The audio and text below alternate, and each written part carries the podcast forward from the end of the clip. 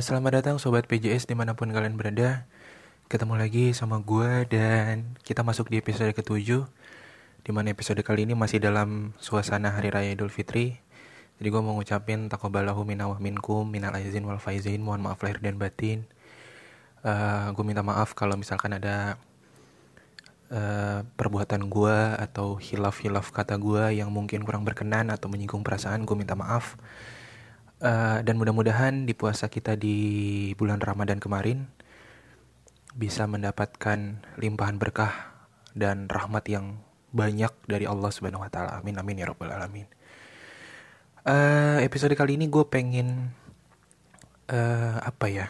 Sebenarnya ingin ngeluh sih ya, karena memang uh, saat kemarin apa Lebaran ya, saat kemarin lebaran Idul Fitri itu gue ngerasa bahwa kemarin adalah lebaran paling menyedihkan yang yang pernah gue alami selama gue hidup gitu. Karena memang ketika lebaran uh, kemarin itu kita masih dalam kondisi uh, wabah COVID-19 yang mengharuskan kita jadi nggak bisa ke mana-mana sholat id pun di rumah aja dan nggak bisa ketemu sanak saudara keluarga yang jauh gitu ya. Kita nggak bisa uh, berkunjung atau keluarga yang jauh berkunjung ke tempat kita gitu tuh bener-bener nggak bisa dilaksanakan gitu. Tradisi-tradisi itu tidak dilakukan dulu tahun ini. Betul-betul sangat menyedihkan buat gue karena ya biasanya momen lebaran adalah momen kumpul-kumpul sih.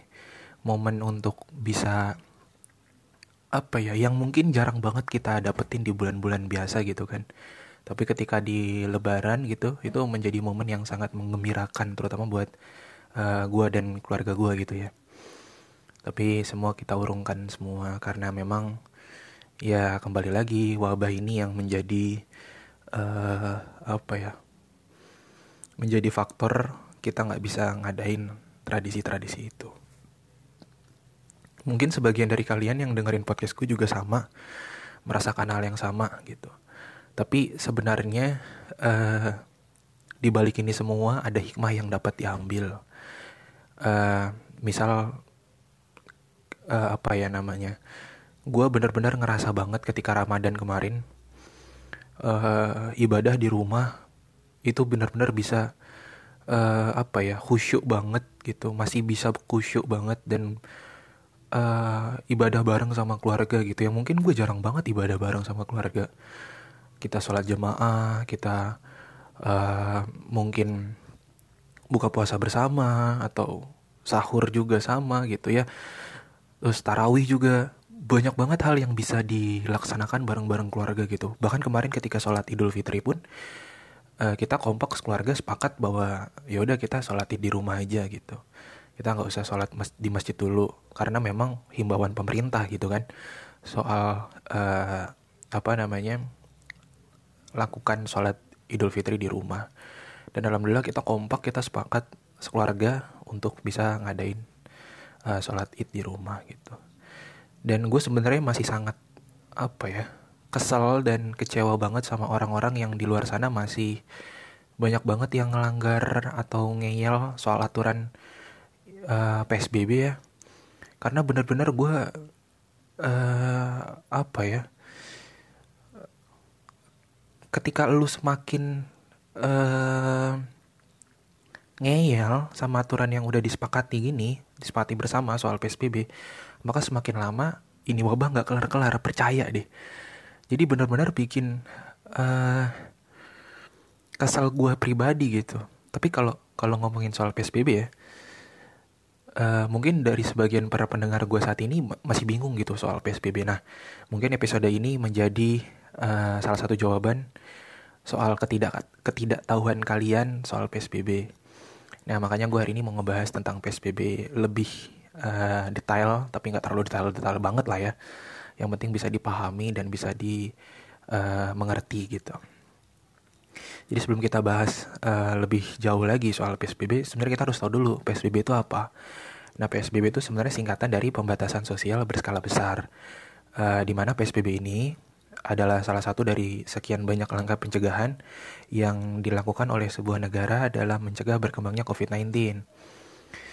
Nah, PSBB ini sebenarnya sifatnya membatasi tiap-tiap warganya dalam melakukan aktivitas sehari-hari tanpa harus mengkarantina wilayah uh, atau daerah tersebut. Jadi nggak lockdown gitu loh. Kalau lockdown kan aktivitas semua berhenti. Nah ini kan apa ya salah satu strategi dari uh, pemerintah nih yang menurut gue udah dikaji atau diperhitungkan secara matang. Dan ini juga merupakan anjuran dari presiden uh, kita itu Pak Joko Widodo gitu untuk tiap daerah yang mungkin mengalami peningkatan jumlah uh, orang yang terinfeksi ataupun uh, jumlah kematiannya meningkat gitu. Jadi PSBB ini adalah solusi dari permasalahan tersebut. Dan nantinya daerah yang hendak melakukan PSBB ini harus melaporkan uh, apa namanya jumlah kasus terinfeksi dan jumlah peningkatan kematian. Jadi ini adalah salah satu syaratnya lah, syarat mutlak untuk uh, sebuah daerah uh, ketika dia mau mengadakan atau melaksanakan PSBB itu sendiri. Jadi PSBB ini bukan bukan buatan apa bukan strategi pemerintah pusat untuk semua daerah gitu. Jadi ketika uh, PSBB ini dibuat sama uh, pemerintah pusat gitu ya, itu nggak dilaksanakan untuk semua daerah, hanya saja beberapa daerah yang tadi sudah mengalami uh, jumlah peningkatan kasusnya dan jumlah peningkatan kematiannya. Jadi itu syaratnya dulu tuh. Jadi nggak semua daerah kalau jumlah kasusnya nggak naik-naik banget, ngapain harus ada PSBB kan gitu. Jadi memang tiap daerah itu uh, harus ada laporan dulu terkait itu.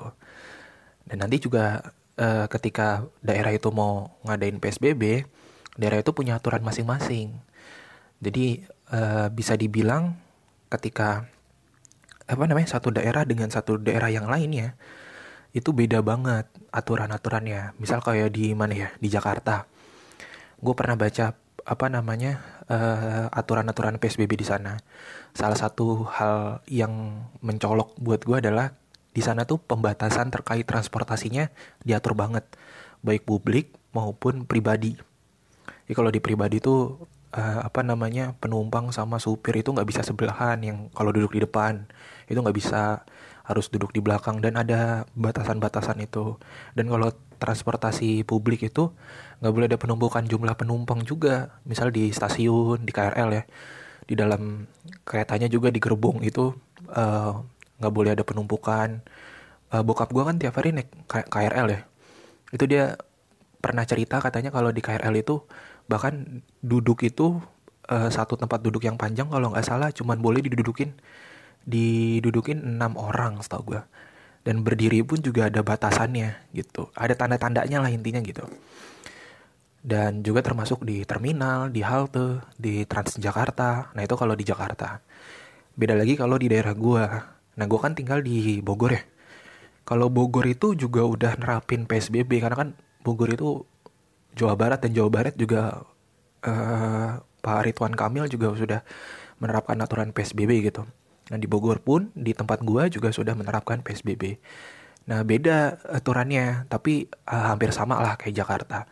Misal kalau di sini tuh pusat perbelanjaan kayak pasar terus minimarket itu punya jam operasional yang udah diatur. Kayak pasar di di sini tuh boleh beroperasi dari jam 4 pagi sampai jam uh, eh, 1 siang.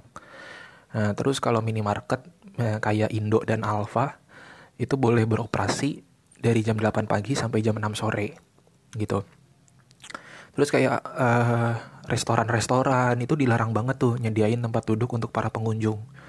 Jadi benar-benar wajib memaksimalkan layanan delivery order. Nah itu semua merupakan sebagian dari banyak aturan yang berlaku mengenai PSBB di daerah masing-masing gitu kan uh, sekali lagi ini memang dilakukan untuk mencegah penyebaran virus corona. Dan jujur menurut gue seharusnya kita bersyukur dengan adanya PSBB ini. Dan langkah ini perlu didukung karena pada akhirnya uh, setiap aktivitas kita masih bisa dilakukan seperti biasa, hanya saja dibatasi. Jadi nggak perlu tuh kayak apa tuh uh, di lockdown lockdown.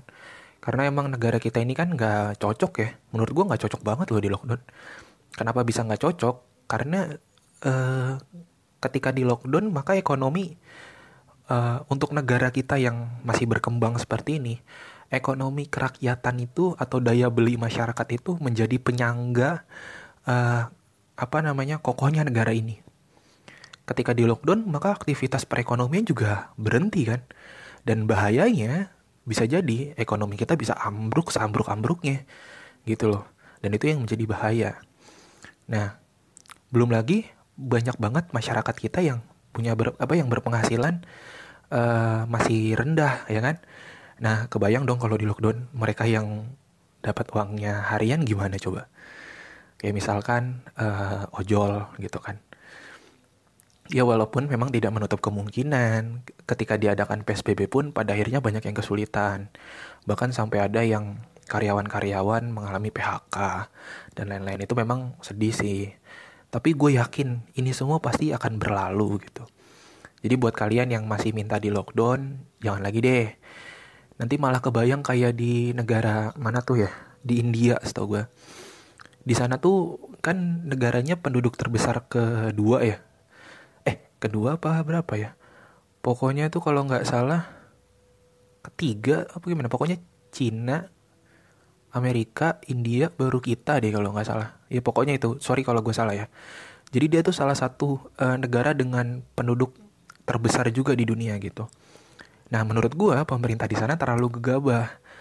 Uh, apa namanya langsung main lockdown lockdown aja gitu. Dan alhasil banyak yang gue lihat di berita di masyarakat di sana gitu. Itu akhirnya banyak yang ngalamin kesulitan, banyak yang kesusahan. Di sana juga banyak banget masyarakat yang berpenghasilan rendah juga gitu. Dan bahkan uh, itu nggak sedikit, banyak banget gitu. Ya walaupun memang tidak menutup kemungkinan pemerintah di sana juga udah ada perhitungan soal bantuan sosial sih.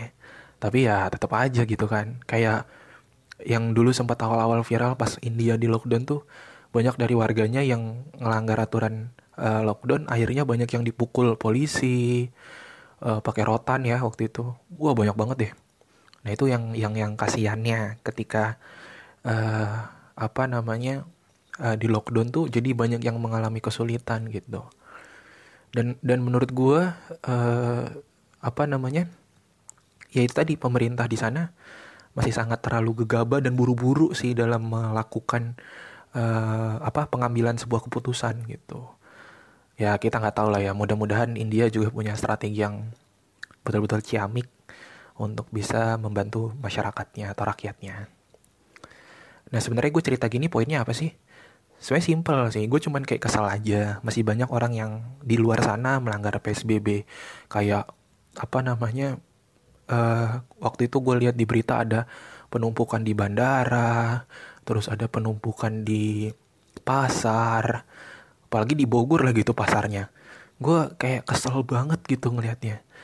Uh, gini loh kita sebagai masyarakat uh, apa ya sebenarnya dengan adanya wabah ini kita tuh sedang diuji kedisiplinannya. Apakah kita disiplin dan taat aturan yang telah disepakati bersama baik dari pemerintah pusat daerah maupun dari kita sebagai masyarakat? Sebenarnya kita tuh diuji kedisiplinannya. Apakah kita mampu ataukah tidak gitu. Pada akhirnya bisa dibilang banyak dari masyarakat kita yang tidak mampu untuk bisa disiplin. Jadi hidup disiplinnya masih banyak banget yang nggak taat gitu. Masih banyak yang ngeyel lah intar, intinya. Nah itu karena makin banyak kan kalau lu lihat di berita pasti ada aja gitu. Bahkan pemerintah bilang jangan mudik, tetap ada yang lolos mudik gitu kan. Sampai sekarang akhirnya di Jakarta uh, Bapak Gubernur Anies Baswedan mengeluarkan uh, apa namanya kalau mau masuk Jakarta itu harus pakai SIKM gue lupa kepanjangannya apa tapi intinya itu surat izin masuk Jakarta intinya gitu. Jadi kalau misalkan ada kendaraan yang ber, apa berplat nomor uh, selain B itu nggak boleh banget masuk Jakarta. Itu itu menurut gue salah satu langkah yang baik banget ya yang perlu didukung. Sekali lagi itu perlu didukung gitu. Dan ketika gini loh kalau ketik yang tadi gue bilang ketika kalian banyak banget ngelanggar uh, aturan yang sudah disepakati tadi uh, yang terjadi banyak banget yang uh, apa ya makin kesulitan gitu. Karena ya wabah ini semakin gak kelar-kelar ya kan? Contohnya yang uh, kerjanya dapat uang harian terus kayak anak-anak sekolah terus ke mahasiswa-mahasiswa tingkat akhir kayak model gue gini yang lagi berjuang deskripsi banget kan? Parah banget gue sampai nggak bisa bimbingan sama dosen pembimbing gue gitu kan pun kalau lewat online juga dosen pembimbing gue juga uh, bukan bukan cuma dosen pembimbing gue gue sebagai mahasiswa pun juga mengalami kesulitan. Kadang nggak kadang nggak bisa dapet uh, apa ya sesuatu yang detail-detailnya tadi. Ya kalau misalkan kalau bimbingan langsung kan gue bisa tahu gitu ya oh ini kesalahan gue oh ini kesalahan gue karena kan pasti dicoret-coret dong kertas gue dan gue bisa perbaiki dan bisa dapat masukan yang uh, istilahnya enak kalau face to face ketimbang lewat online gitu belum lagi kalau yang apa uh, berobat yang sakit yang mungkin uh, perlu uh, berobat itu menjadi kesulitan banget sih menurut gue dan masih banyak banget hal lainnya yang akhirnya terkena imbas dari kalian yang masih ngeyel sama aturan PSBB yang masih melanggar. Sebenarnya dengan adanya wabah ini tuh gue ngerasa bahwa kita tuh sebenarnya lagi diuji dan lagi di apa ya uh, apa namanya ya pokoknya diuji lah tenggang rasa kita atau rasa kebersamaan kita, kebinekaan kita itu benar-benar lagi diuji banget gitu. Apakah kita kompak, apakah kita mampu gitu. Karena kan memang bangsa luar aja tahu kalau kita ini uh, bangsa yang toleransinya kuat banget gitu kan. Keberagamannya banyak banget dan di sini semuanya bisa hidup dengan damai. Dan termasuk uh, gotong royong dan uh, bahu membahu uh, dalam kehidupan sosialnya gitu. Jadi orang luar aja tahu kita begitu. Nah, seharusnya kita sebagai masyarakat juga harus bisa membuktikan dan harus bisa mempertahankan uh, opini orang luar tentang kita gitu. Jadi kita harus mampu nih mendukung semua program pemerintah. Jadi gue sangat menyayangkan banyak banget dari dari politisi-politisi kita ya. Gue kalau gue tuh jujur gue suka banget politik ya. Gue senang banget ngeliat politik karena gue bisa melihat gitu. Gue gue sebagai masyarakat yang walaupun gue masih muda ya dalam hal ini, gue pun juga cuman masyarakat biasa yang yang apa ya gue pengen tahu lah uh, perpolitikan dunia perpolitikan yang ada di negara gue ini gitu ketika gue nonton gue lihat gitu ketika gue baca sosial media dan lain sebagainya gue melihat bahwa politisi-politisi kita tuh yang yang dalam hal ini oposisi ya uh, banyak dari mereka yang cuma bisa ngomong doang tanpa memberikan buktinya gitu. Apa-apa yang udah kalian lakukan uh, untuk membantu pemerintah dalam menanggulangi wabah ini gitu. Jadi buat gue sangat sangat kesel banget ya ngelihat politisi-politisi. Karena memang omong omongan mereka atau misalkan mereka nge-tweet di Twitter atau mereka bikin postingan di Instagram, Facebook dan lain sebagainya itu tuh malah memancing provokasi, memancing adu domba dan yang terjadi adalah banyak dari masyarakat kita di grassroots, di akar rumput yang akhirnya ayo ah, udahlah masa bodoh gue sama aturan pemerintah gitu. Orang politisi gue aja uh, yang gue dulu dukung atau gimana gitu ya uh, juga nggak suka gitu. Harusnya jangan gitu. Harusnya kita dukung bersama kita kompak karena memang sekarang apa sih yang mesti diributin lagi?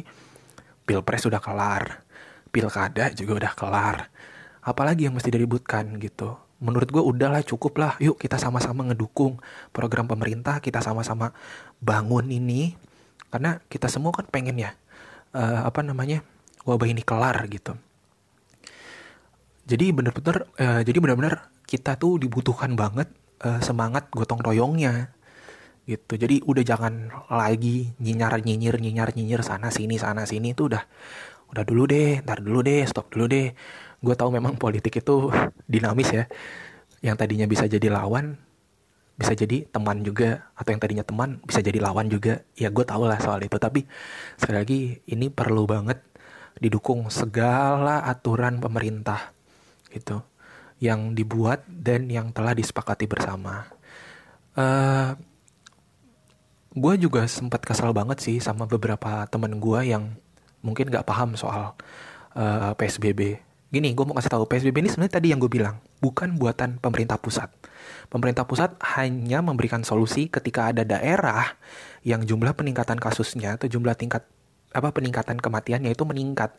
Jadi ini solusi dari pemerintah pusat untuk pemerintah daerah. Nah, sa uh, siapa yang akan mengeksekusi? Ya semuanya ada di pemerintah daerah gitu loh.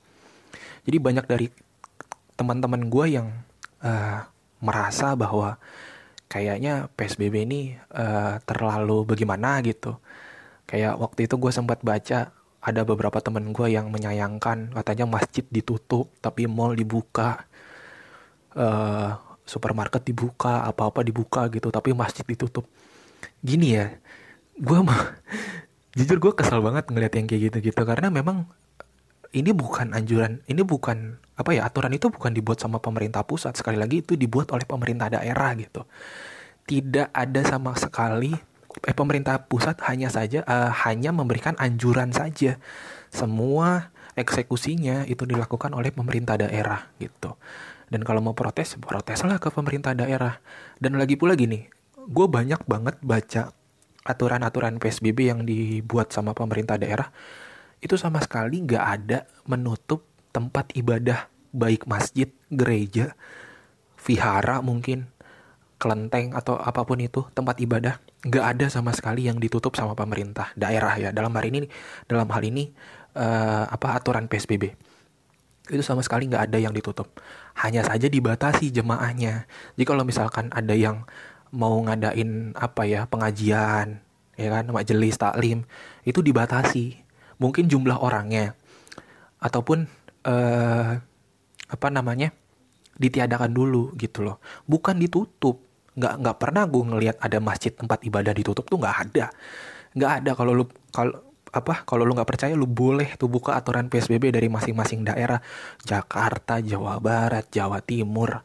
Lu bacain tuh semua yang sekarang mereka pakai psbb itu ada nggak yang tempat ibadah ditutup? Kalau ada kasih tahu gue. Lu boleh komen di Instagram gue, lu boleh DM gue, lu boleh komen apa lu mention di Twitter gue. Lu kasih tahu kalau mas uh, atau lu kasih tahu buktinya uh, aturan PSBB mana yang menutup tempat ibadah. Boleh kasih ke gue. Gue pengen tahu gitu. Karena memang betul-betul nggak ada. Bahkan di dekat rumah gue pun banyak dari masjid-masjid di sini yang uh, apa namanya tetap menyelenggarakan ibadah gitu walaupun gue sendiri memang pada akhirnya nggak nggak nggak nggak mau maksain diri untuk sholat uh, di masjid ya. Karena memang gue sangat mentaati aturan-aturan yang sudah disepakati. Tapi masih banyak banget orang yang pada akhirnya maksain sholat di masjid gitu. Nah itu bukti bahwa nggak ada nggak ada tempat ibadah yang ditutup. Nggak ada sama sekali. Dan kalaupun ditutup gimana muazin bisa azan coba lima waktu misalkan? Nggak ada gitu. Kalau lu kalau lu kesel kenapa mall dibuka gini loh mall itu dibuka untuk penyangga ekonomi kemas uh, ekonomi masyarakat ekonomi rakyat jadi benar-benar mall itu sebagai roda perekonomian pasar, supermarket, minimarket itu tuh penyangga ekonomi rakyat. Kebayang dong kalau mereka jadi ditutup juga. Terus kalian gimana soal konsumsi makannya, ya kan?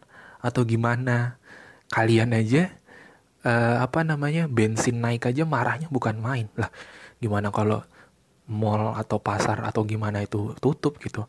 Lagi pula gini mall itu sebenarnya dibuka bukan buat uh, kita kayak biasa normal hidup normal gitu ya. Kita mau nonton apa gimana nggak bisa. Bioskop banyak yang tutup malah. Sebenarnya mall dibuka itu untuk uh, kayak supermarket, kayak apotik itu dibolehin buka karena ya itu tadi itu kebutuhan masyarakat. Kalau ditutup malah bahaya gitu loh. Jadi benar-benar uh, gue sangat meng, apa ya sangat kecewa dengan kalian yang cuman uh, baca lewat portal berita yang menurut gue kayaknya kalian dapat hoax deh atau mungkin dapat dari WhatsApp grup keluarga yang kayaknya benci banget sama pemerintah apa apa jadi salah gitu makanya udah stop deh kayak gitu-gitu berpikir itu coba gini kalau ngelihat berita usahakan tabayun dulu. Apakah berita ini benar ataukah berita ini salah atau berita ini cuman kayak ngundang kebencian itu harus tahu dulu tuh. Jadi memang hidup itu harus realistis. Kayak gue pernah bilang gue senang banget sekarang umur gue sudah semakin tua jadi gue sangat realistis banget sama kehidupan. Jadi gue tahu yang mana yang salah yang mana yang benar. Jadi gue sangat berterima kasih banget dengan uh, apa ya tumbuh dewasanya gue ini gitu dan gue berharap ke kalian juga sama. Sebagai anak muda, kalian juga harus tahu tuh. Uh, jadi jangan mau disusup-susupin sama berita-berita yang hoax. Apalagi politisi-politisi yang mohon maaf ya, kampret ini. Uh, dengerin mereka. Udah jangan deh. Udah kita tetap fokus aja. Bagaimanapun juga ini pemerintah udah capek banget. Gue ngeliat Pak Jokowi mukanya kalau di press conference mukanya udah capek banget. Pak Anies Baswedan juga capek. Pak Ridwan Kamil, Pak Ganjar, Bu Risma, dan lain siapa, siapa pun pemerintah-pemerintah daerah di seluruh Indonesia. Mereka sangat capek banget dengan wabah ini. Jadi kita dukung, kita semangatin mereka. Gimana caranya? Ya kita stay at home, di rumah aja. Lakukan aturan atau anjuran yang sudah disepakati bersama. gitu jadi udah gue mohon jangan ada lagi yang ngeyel dan gak mau nurut karena memang sekali lagi ini perlu banget didukung dan kalau kalian mau keluar jangan lupa pakai masker terus juga wajib cuci tangan kalau habis megang apa-apa. Jadi benar-benar penting banget gitu. Jadi contoh nenek gue tuh. Nenek gue nenek gue kan di Jakarta ya. Dan Jakarta kan zona merah ya. Di Jakarta itu nenek gue waktu pertama kali gue ke sana waktu itu gue lupa kapan. Pokoknya sebelum PSBB itu ada dan sebelum corona itu besar namanya gitu ya. Itu gue pernah. Jadi kan nyokap gue bawel ya orangnya. Nyokap gue tuh nelfon nenek gue nelfon ibunya. Itu selalu bilang e, pakai masker mah pakai masker mah. E, lagi ada corona gitu gitu gitu. Gue cuman bisa dengerin. Terus gue uh, ada satu ketika gue datang ke uh, Jakarta untuk apa ya waktu itu ya? Pokoknya ada sesuatu yang mesti gue ambil atau apa gitu gue lupa. Itu pas gue datang ke rumah nenek gue nenek gue tidur kan dengan posisi pakai masker gitu. Jadi bener-bener dia udah kayak wah gila sih gokil sih dia benar-benar taat banget dan nggak dilepas maskernya bener-bener nggak dilepas. Bahkan di rumah pun dia pakai masker gitu yang padahal harusnya di rumah mah ya udah lepas aja. Tapi dia malah justru pakai masker di rumah sendiri yang anggota keluarganya aja udah tahu kan gitu. Tapi dia masih pakai masker. Ya itu yang mesti dicontoh lah. Ya walaupun memang apa ya ya nggak mesti juga gitu tapi ya nggak apa-apa lah. Nenek gue kan ya karena memang uh, corona ini bahaya sama orang-orang yang umurnya udah di atas 50 ke atas ya. Itu bahaya banget sih. Karena banyak banget korban yang meninggal tuh umurnya di atas 50 ke atas gitu. Oh ya uh, eh, gue mau ngasih tahu lagi. Kalau yang soal masih ditutup tadi itu gue tadi belum lama ngeliat berita. Katanya ada di daerah mana gitu ya. Uh, ini ini salah satu orang yang ngeyel ya. Ini salah satu orang yang ngeyel gitu jadi dia itu kalau nggak salah ibunya atau istrinya itu udah ada positif udah udah positif corona terus dia dibawa ke rumah sakit nah seisi rumah itu otomatis jadi positif nah seisi rumah yang positif itu ketika kemarin lebaran sholat id mereka bela-belain sholat Idul Fitri di masjid. Wah, kebayangan loh. Parah kan lo? Coba deh. Jadi, gue merinding, serius gue merinding banget. Dia, dia, dia positif. Sekeluarga itu positif. Si istrinya atau ibunya gue lupa, itu udah dibawa ke rumah sakit. Dia sudah positif duluan. Otomatis satu rumah itu positif.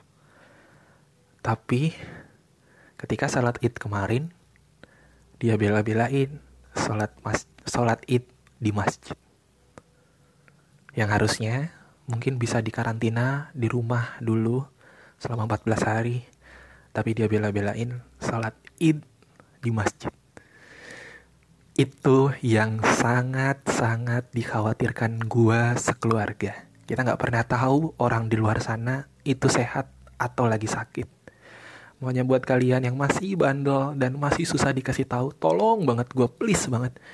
Nurut sekali ini aja.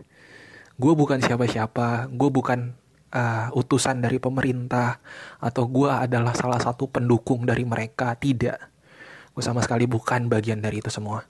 Hanya saja gue adalah orang yang sangat mendukung setiap langkah atau keputusan yang sudah dilatur atau dilakukan oleh pemerintah kita.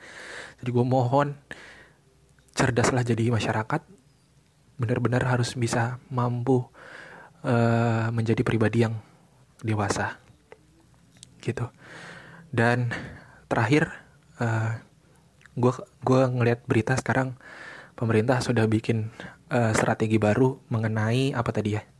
Kalau nggak salah tentang new normal new normal. Jadi tatanan kehidupan baru di masyarakat kita. Sekali lagi ini perlu didukung ini perlu disupport semuanya. Apa pun itu keputusan dari pemerintah karena ini penting banget gitu.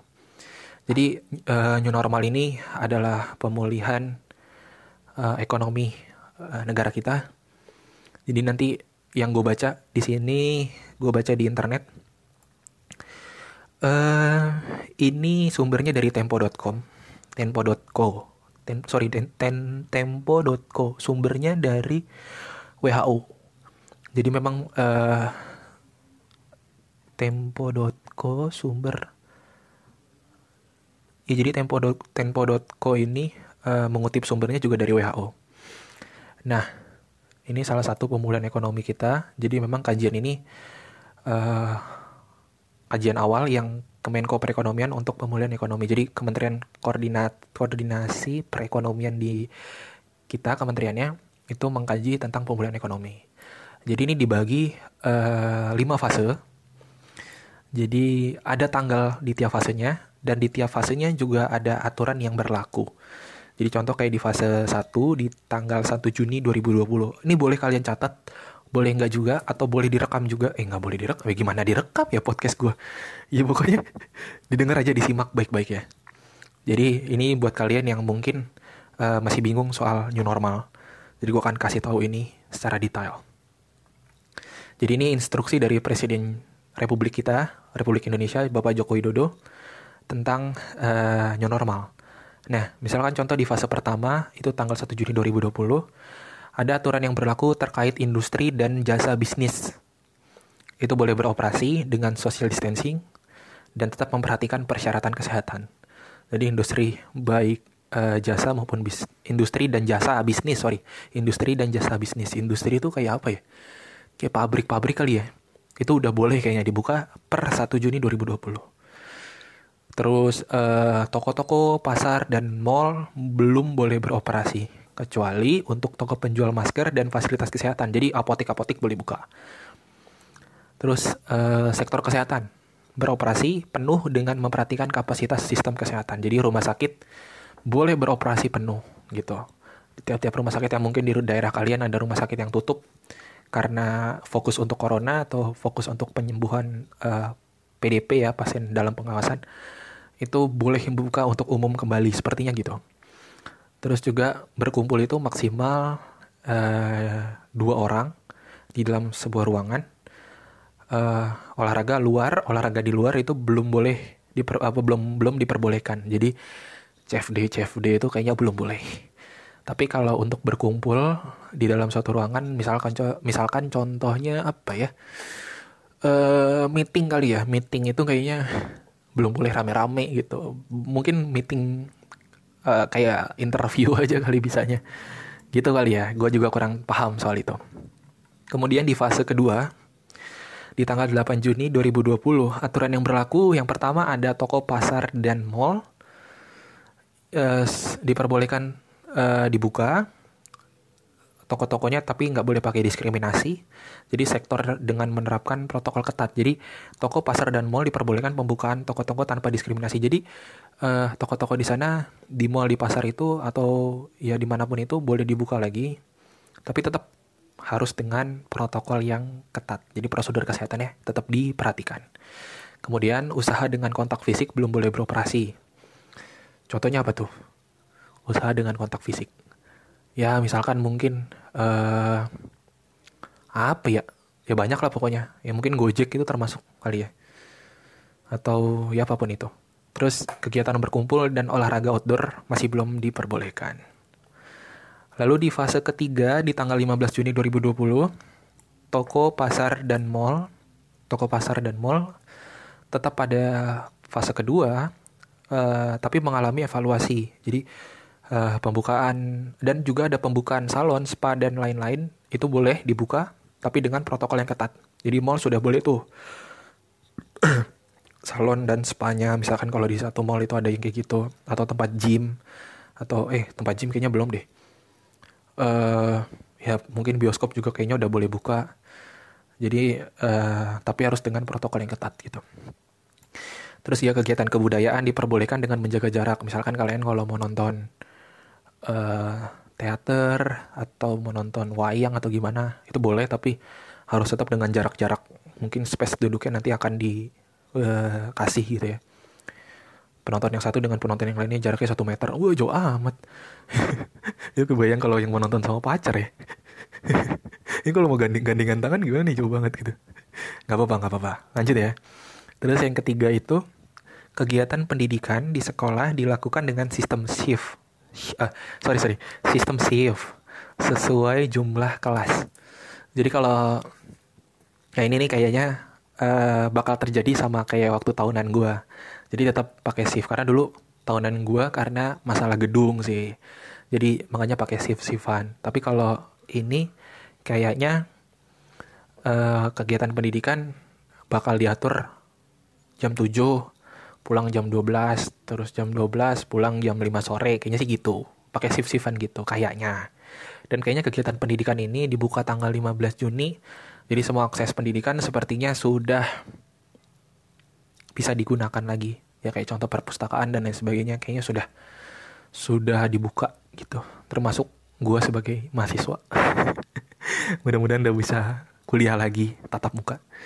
Terus juga olahraga outdoor diperbolehkan dengan protokol jadi kalau yang CFD CFD sepertinya sudah boleh dibuka tapi kayaknya kalau dengan jumlah masa yang banyak kayaknya masih diragukan untuk dilaksanakan. Lalu ada evaluasi pembukaan tempat pernikahan, ulang tahun, kegiatan sosial yang hanya boleh di di uh, di apa namanya? Yang hanya boleh oleh 10 orang. Jadi 10 orang doang yang mungkin boleh menghadiri menghadiri acara tersebut. Ini kebayang sih ya. Pembukaan tempat pernikahan gimana coba? Mungkin uh, cuman akad kali ya resepsinya resepsinya kayaknya belum boleh termasuk kegiatan uh, sosial dan ulang tahun juga kayaknya nggak bisa ngumpul banyak-banyak oke okay.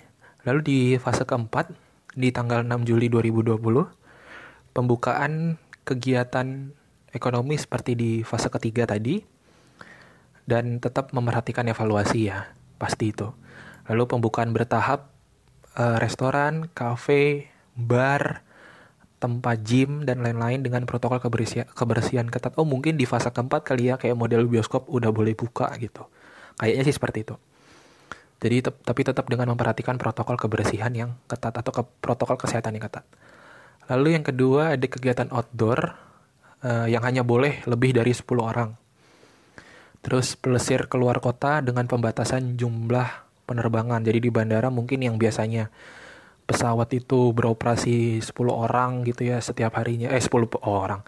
Uh, 10 pesawat misalkan mungkin dikurangin jadi 5 pesawat gitu mungkin mungkin. Terus juga kegiatan ibadah dilakukan dengan jemaah terbatas. Jadi mungkin udah bisa nih uh, apa yang ngadain sholat Jumat gitu ya. Atau gimana mungkin mungkin ya nggak tahu juga. Ini rincian jelasnya atau gimana. Mungkin kalau di gereja juga misalkan jemaahnya uh, dibatasi yang mungkin jemaahnya 20 orang, 30 orang, 40 orang dibatasi mungkin cuma 10 orang, mungkin mungkin.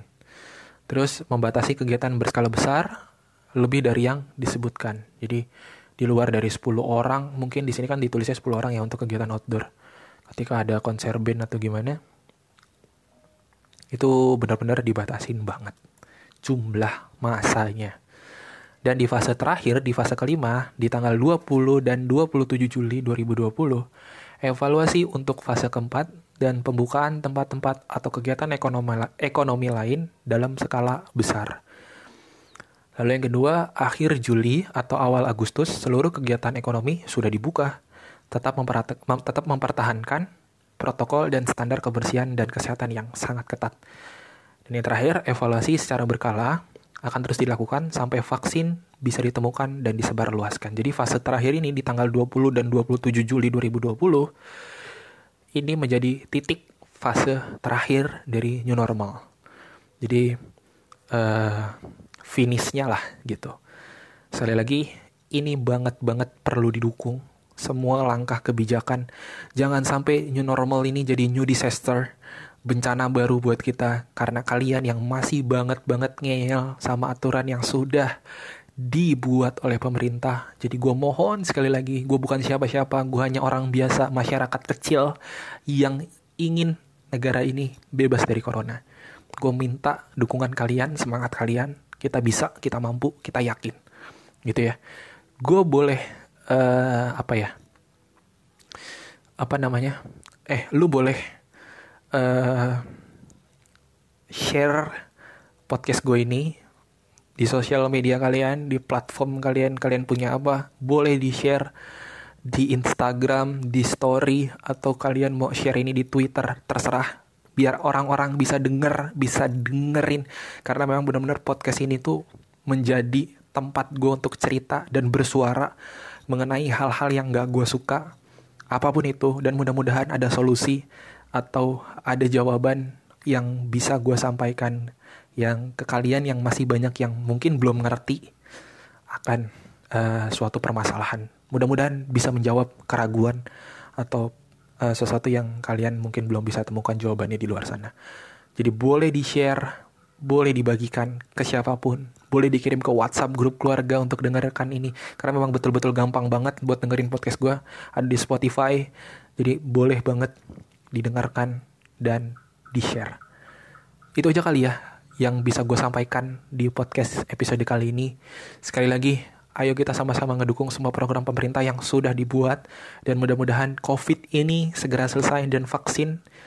Oh ya gue juga sekalian mau apa ya mau kita sama-sama berdoa mudah-mudahan mau ngajak kalian sama-sama berdoa ya. Uh, doakan mudah-mudahan mereka-mereka orang-orang yang sekarang lagi bekerja di laboratorium peneliti-peneliti supaya bisa diberikan kekuatan semangat untuk bisa menemukan vaksin biar uh, vaksin tersebut bisa disebarluaskan. Karena memang vaksin ini butuh waktu yang sangat panjang ya. Bahkan perlu pengujian yang berulang-ulang. Jadi betul-betul butuh banget dorongan semangat dan doa dari kalian semua. Terima kasih udah dengerin podcast gue. Mohon maaf kalau misalkan ada salah-salah kata atau uh, pembahasan yang kurang berkenan buat kalian.